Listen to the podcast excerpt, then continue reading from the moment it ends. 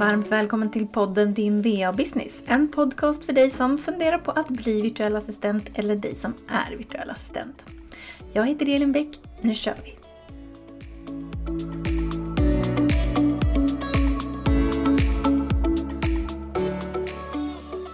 Idag har jag med mig Jenny Jonsson. Varmt välkommen till den här podden. Ja, men tack så jättemycket, vad kul att få vara här.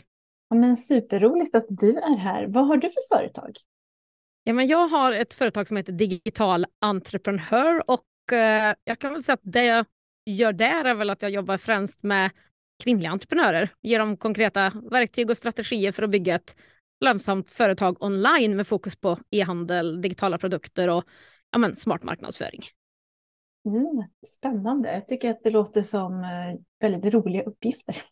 Ja, det är ju det och det är det som är så härligt när man har sitt eget så här och får ja, men äntligen bestämma själv vad man vill göra. Eh, mm. Eh, och då får man ju göra det som är kul, så absolut, det är jättekul. Mm, så roligt. Du, alla dina gäster i podden här får alltid tre snabba, så det är klart att du också ska få det. Eh, så vi börjar med, vad har du för favoritfilm eller serie?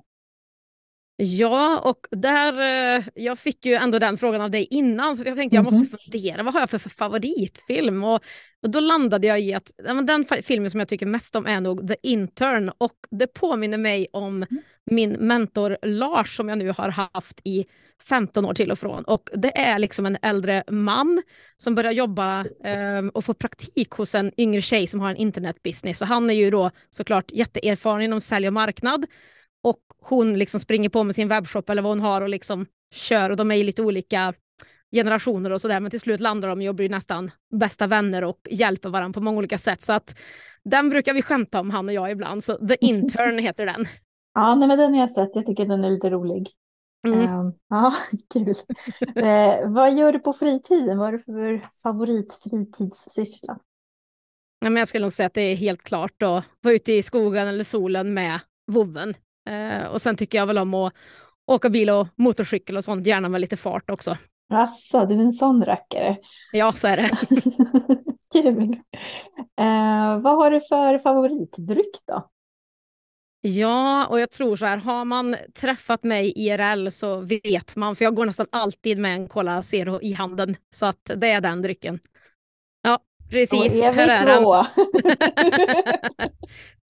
Ja, men skönt att jag har en kompis där faktiskt i det. Ja. Ja, nej, jag dricker nog kanske lite för mycket, men ja.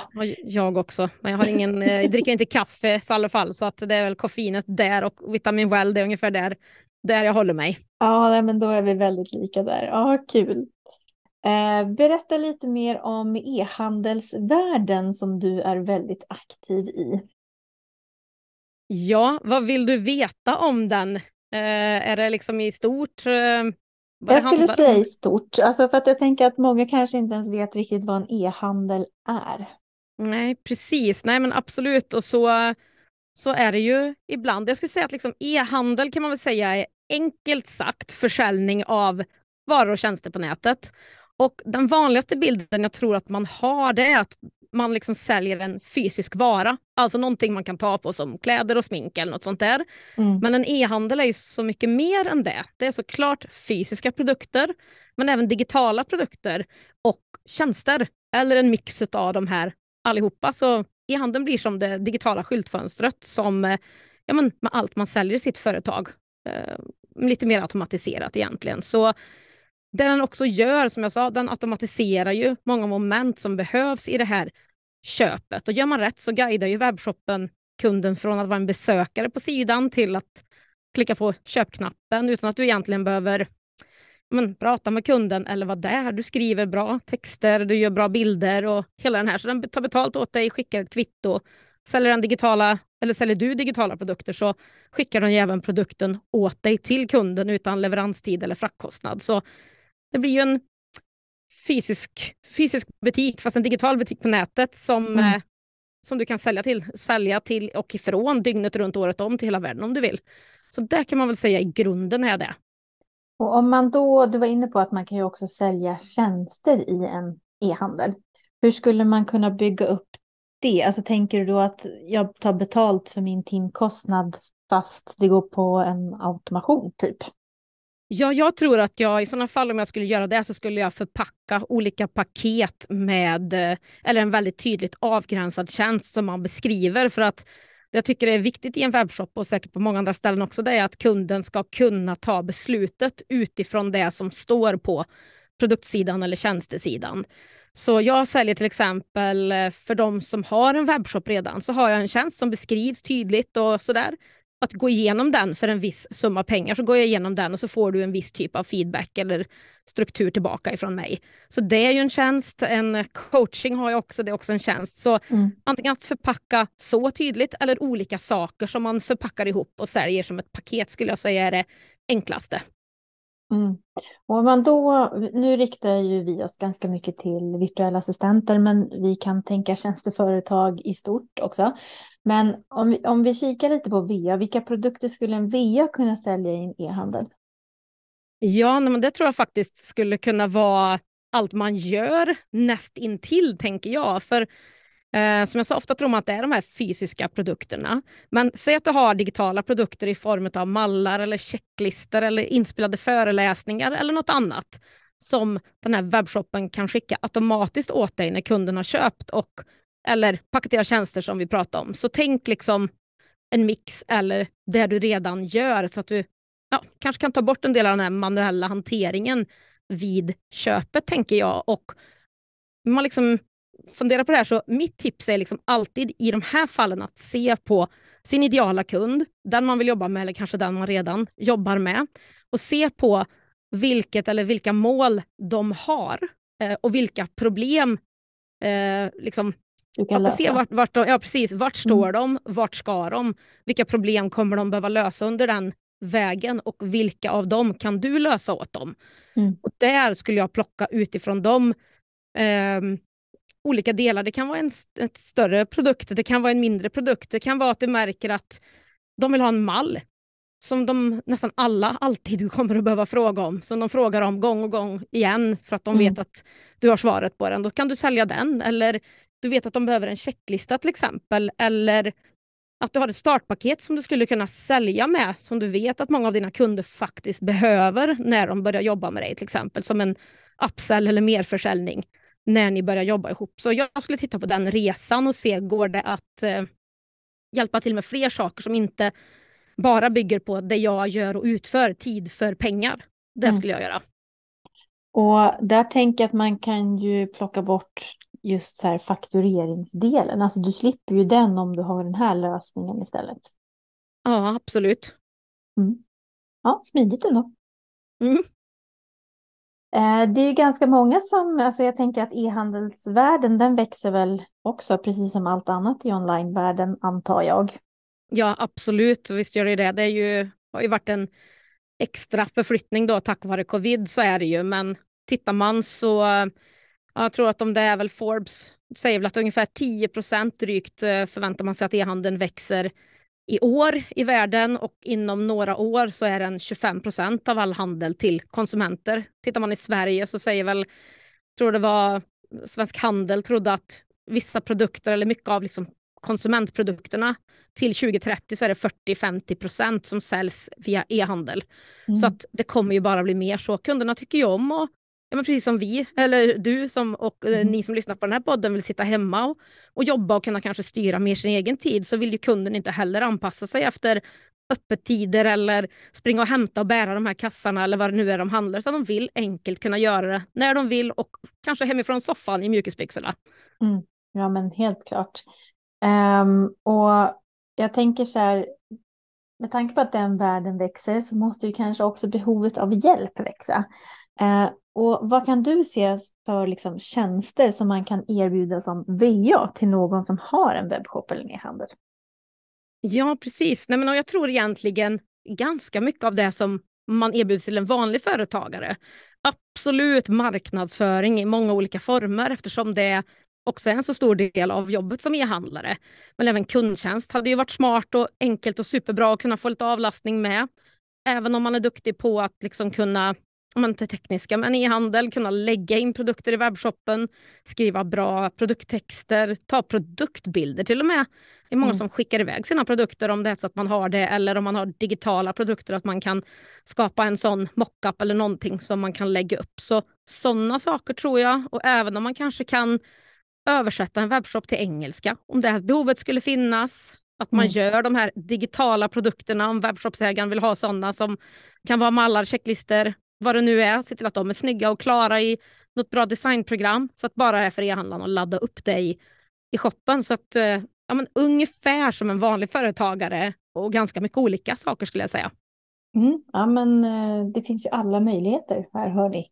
ja, absolut. Ja, det tycker jag verkligen. Och många behöver ju faktiskt ta mer hjälp av vad man redan gör. Man sitter ju lite där och håller på sitt eller inte riktigt vet eller förstår inte att man faktiskt kan ta hjälp bara 5-10 timmar i veckan eller i månaden och få lite hjälp. Så då sitter man och stressar istället själv. Så att, eh, tycker definitivt ta hjälp. Jag har också VAs så att, och de har gjort jättemycket bra i min verksamhet.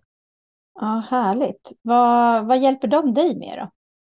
Bland annat, behöver inte gå in på Ja, men eh, bland annat så är det ju inför eh, ja, men kurshantering skulle jag säga, kursplattformar, betalplattformar när det gäller liksom onlinekurser och sådär som jag har. Eh, och sen poddklippningen av min egen podd, bland annat. Eh, till viss del viss administrativ hantering och sådär, men mest, mest inom det skulle jag säga och eh, kurslanseringar och sådär.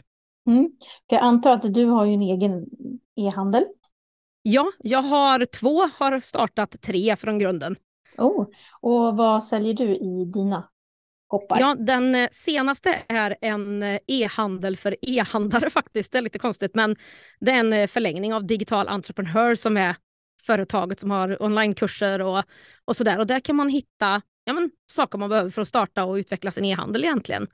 Digital mm. Entreprenör Shop. Det är både fysiska produkter i form av de har lite roligare och snyggare packmaterial kanske till e-handlare som det är digitala produkter, föreläsningar eh, och digitala ja, men, tjänster och sådär. Så att det är mixen i den.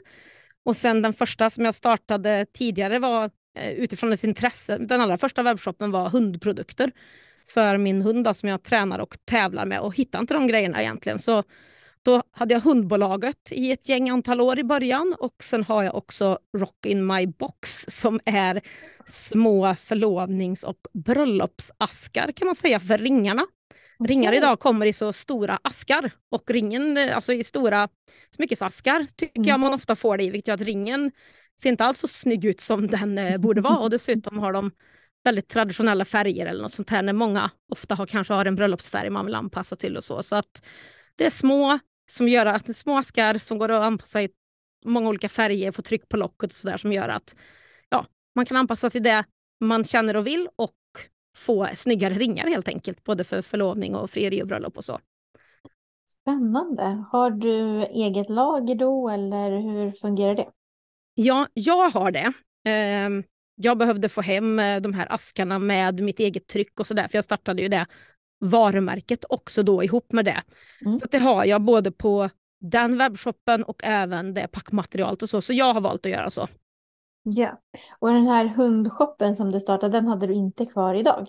Nej, den hade jag inte kvar idag. Den är, jag startade ju den för tio år sedan ungefär. Eh, och det var väl där det är väl därför jag brinner så mycket för det jag gör idag och liksom hjälpa andra att starta lönsamma webbshoppar och utveckla dem. För att när jag gjorde det här för tio år sedan, jag hade ju ingen kunskap alls och det var inte så många som liksom hjälpte till med hur man skulle kunna göra det. Så att jag tror att jag längs vägen där gjorde nog alla fel man kan och eh, lärde mig liksom längs vägen. Men det blev väldigt mycket saker som inte ja, man blev så bra som jag hade tänkt mig. Jag lyckades ju bygga Sveriges största Instagramkonto för hundbutiker eh, och allting. Jag gjorde mycket, mycket saker rätt, fick jättemycket kunder och sålde för över 100 000 i månaden och sådär. Men det var ändå saker i grunden som inte var nog bra, så därför försvann den eh, efter ett tag.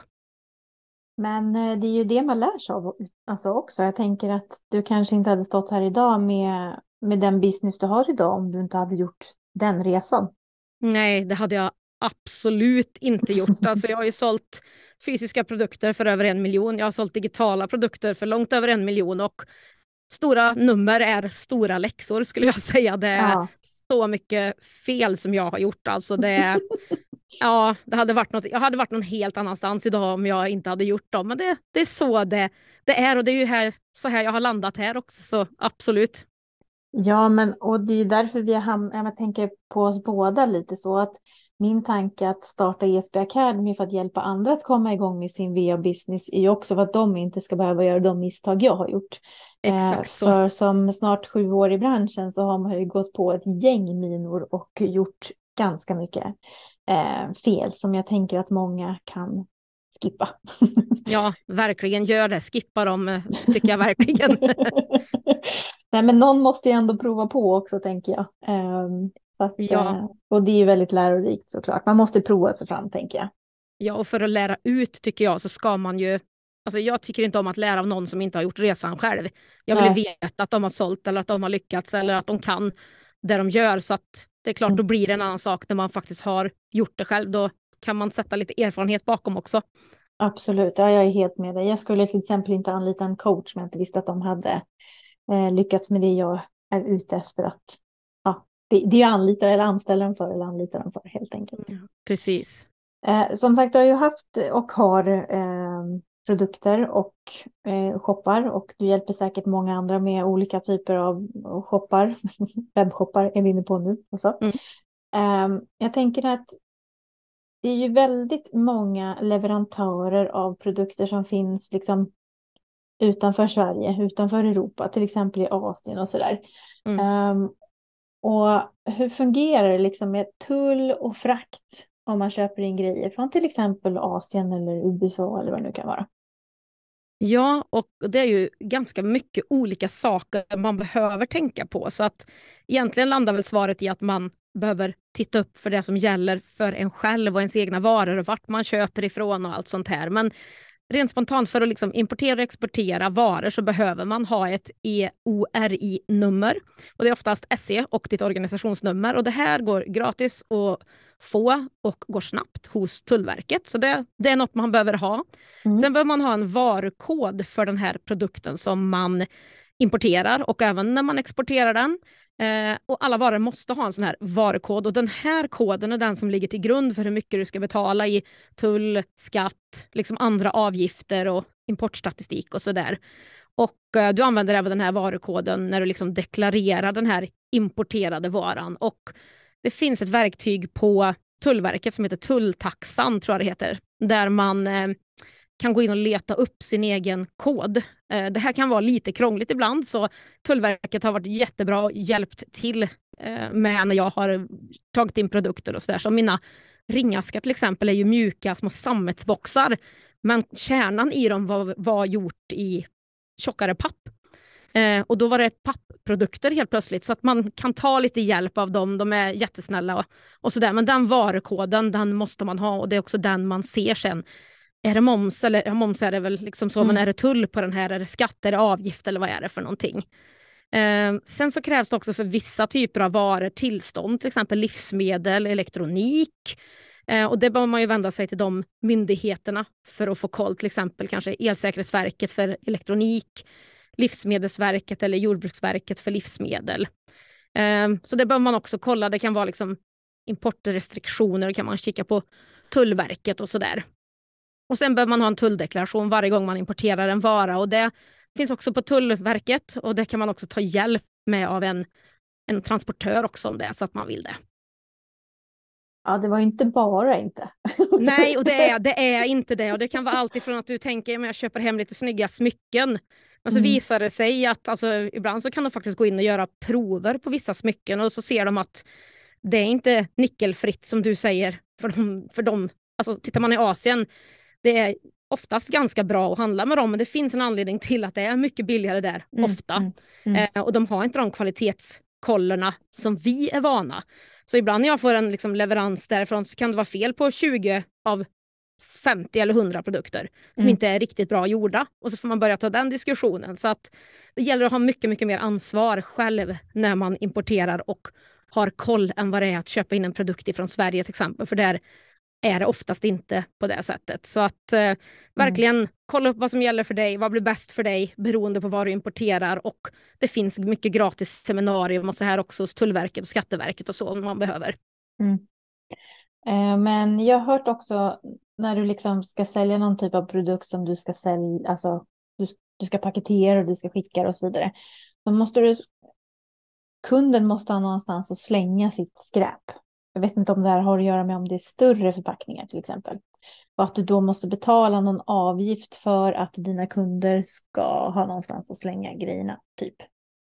Ja, det har jag inte kanske hört, men jag har för mig att jag, jo, jag har nog läst någonting om det nu när du säger det, men jag har inte riktigt koll bara på mm. rakt upp och ner exakt vilken lag eller vad som gäller eh, där. Men absolut, det, det finns ju så himla mycket lagar och regler för vad du får och inte får göra och det gäller verkligen att, att ha kollen. Men har man gjort det någon gång, låt det liksom inte avskräcka en, men det är någonting annat. Eh, absolut, det är det ju. Och bara det här med frakten till exempel när man köper eh, utomlands också. Man tänker ofta, man vad billigt, den kostar 10 kronor där och jag kan sälja den för 100 eller 200 eller någonting. Mm. Men bara frakten ifrån ett ställe som Asien till exempel, sen covid har ju gått uh, all crazy och mm. är fortfarande väldigt, väldigt mycket. Så att säga att det kanske kostar 10 kronor på offerten och sen så letar du upp frakten så kostar det 50 eller 60 kronor.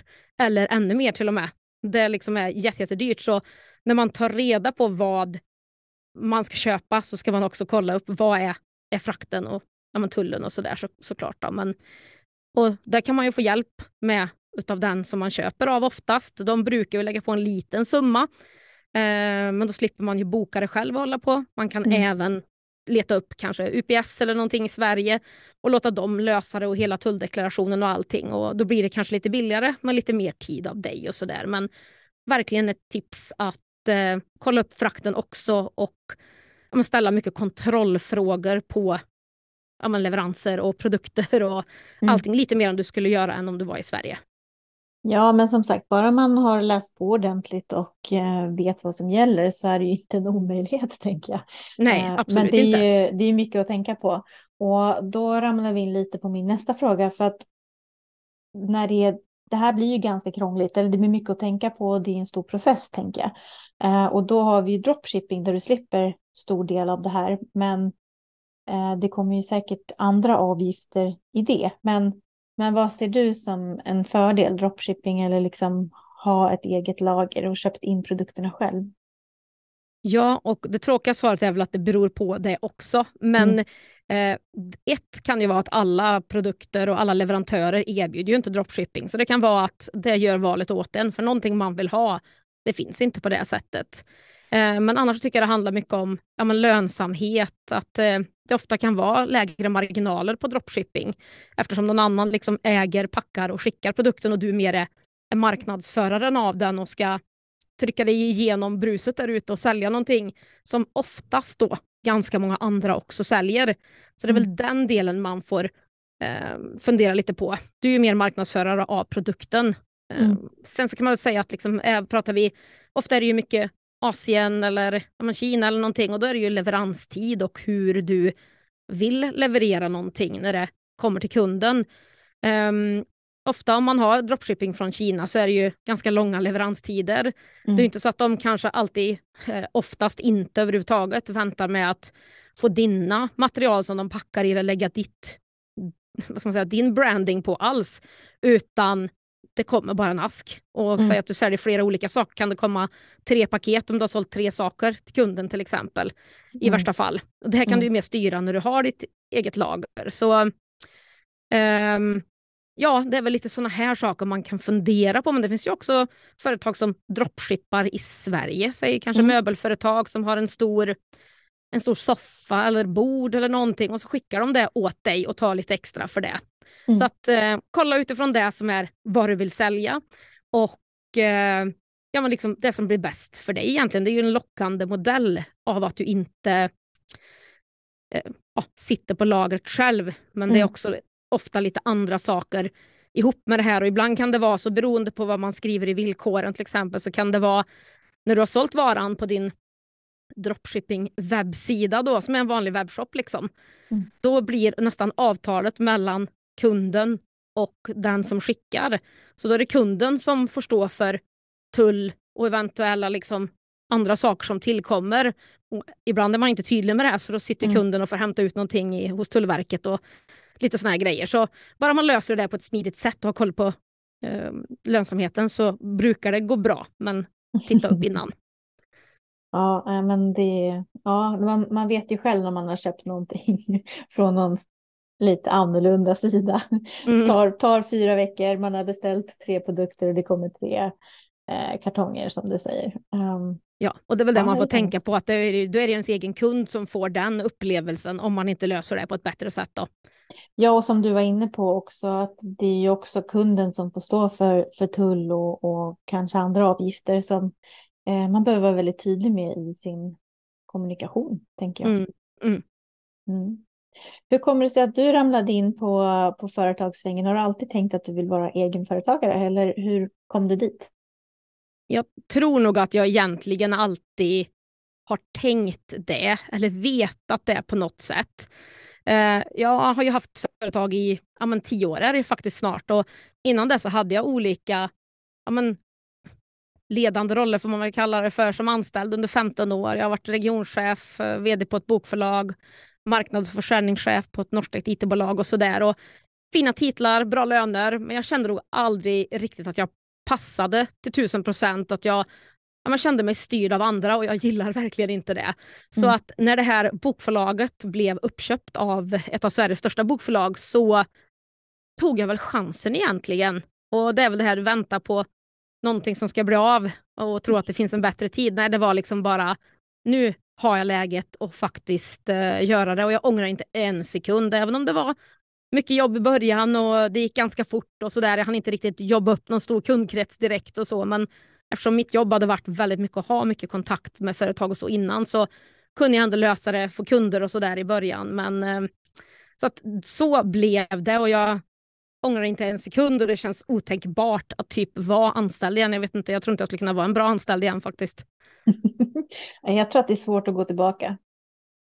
Känns eh, så. Och, bara den här grejen att man får kollegor igen och man måste anpassa sig efter andra, den tror jag det är en svår tröskel att komma tillbaka till. Eller komma tillbaka över. Ja, och jag har liksom så här, men, tidsredovisa i system. Alltså det, usch, det känns som att jag blir sjuk bara jag tänker på det där. Alltså, jag var på någon anställningsintervju när någon sa så har du, kommer du mellan sju och åtta och du har en lunchrast då och då. Och jag bara så här, men shit, det känns som jag blir kallsvettig, ska jag bli magsjuk eller något tänkte jag. Så bara nej, det var verkligen hela kroppen som reagerade på att du vill inte jobba så Jenny. Du vill inte det, så gör inte det.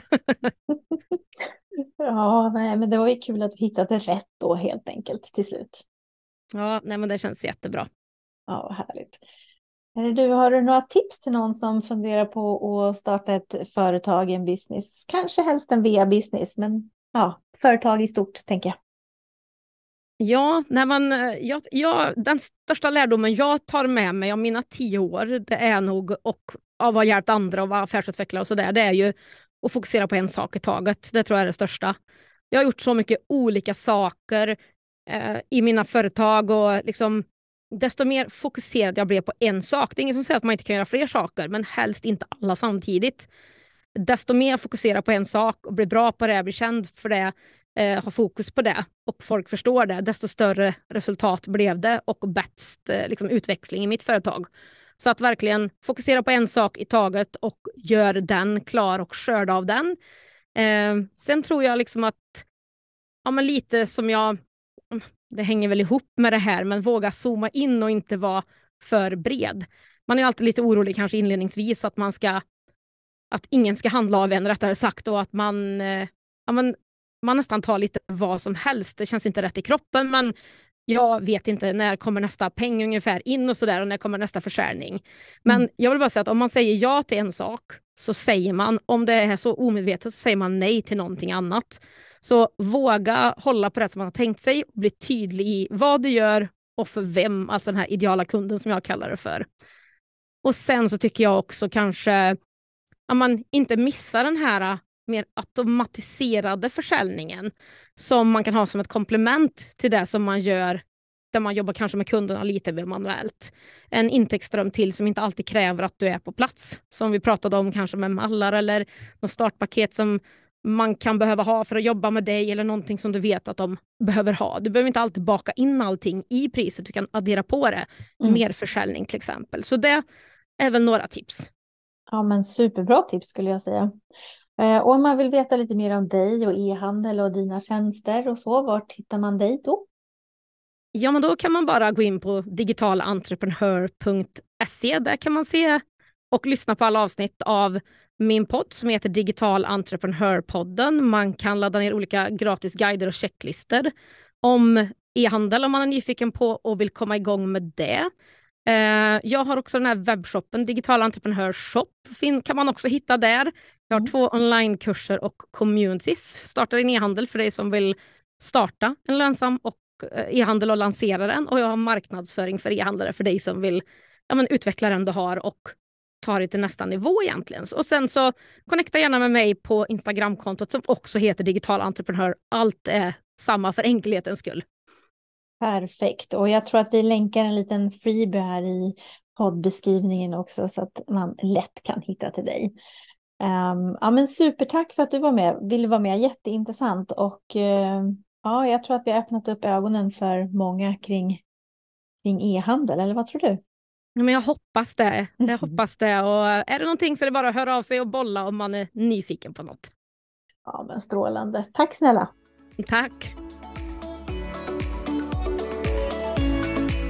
Tack för att du lyssnade på det här avsnittet av din VA Business. Glöm inte att prenumerera på podden för att få notiser om när nästa avsnitt kommer ut.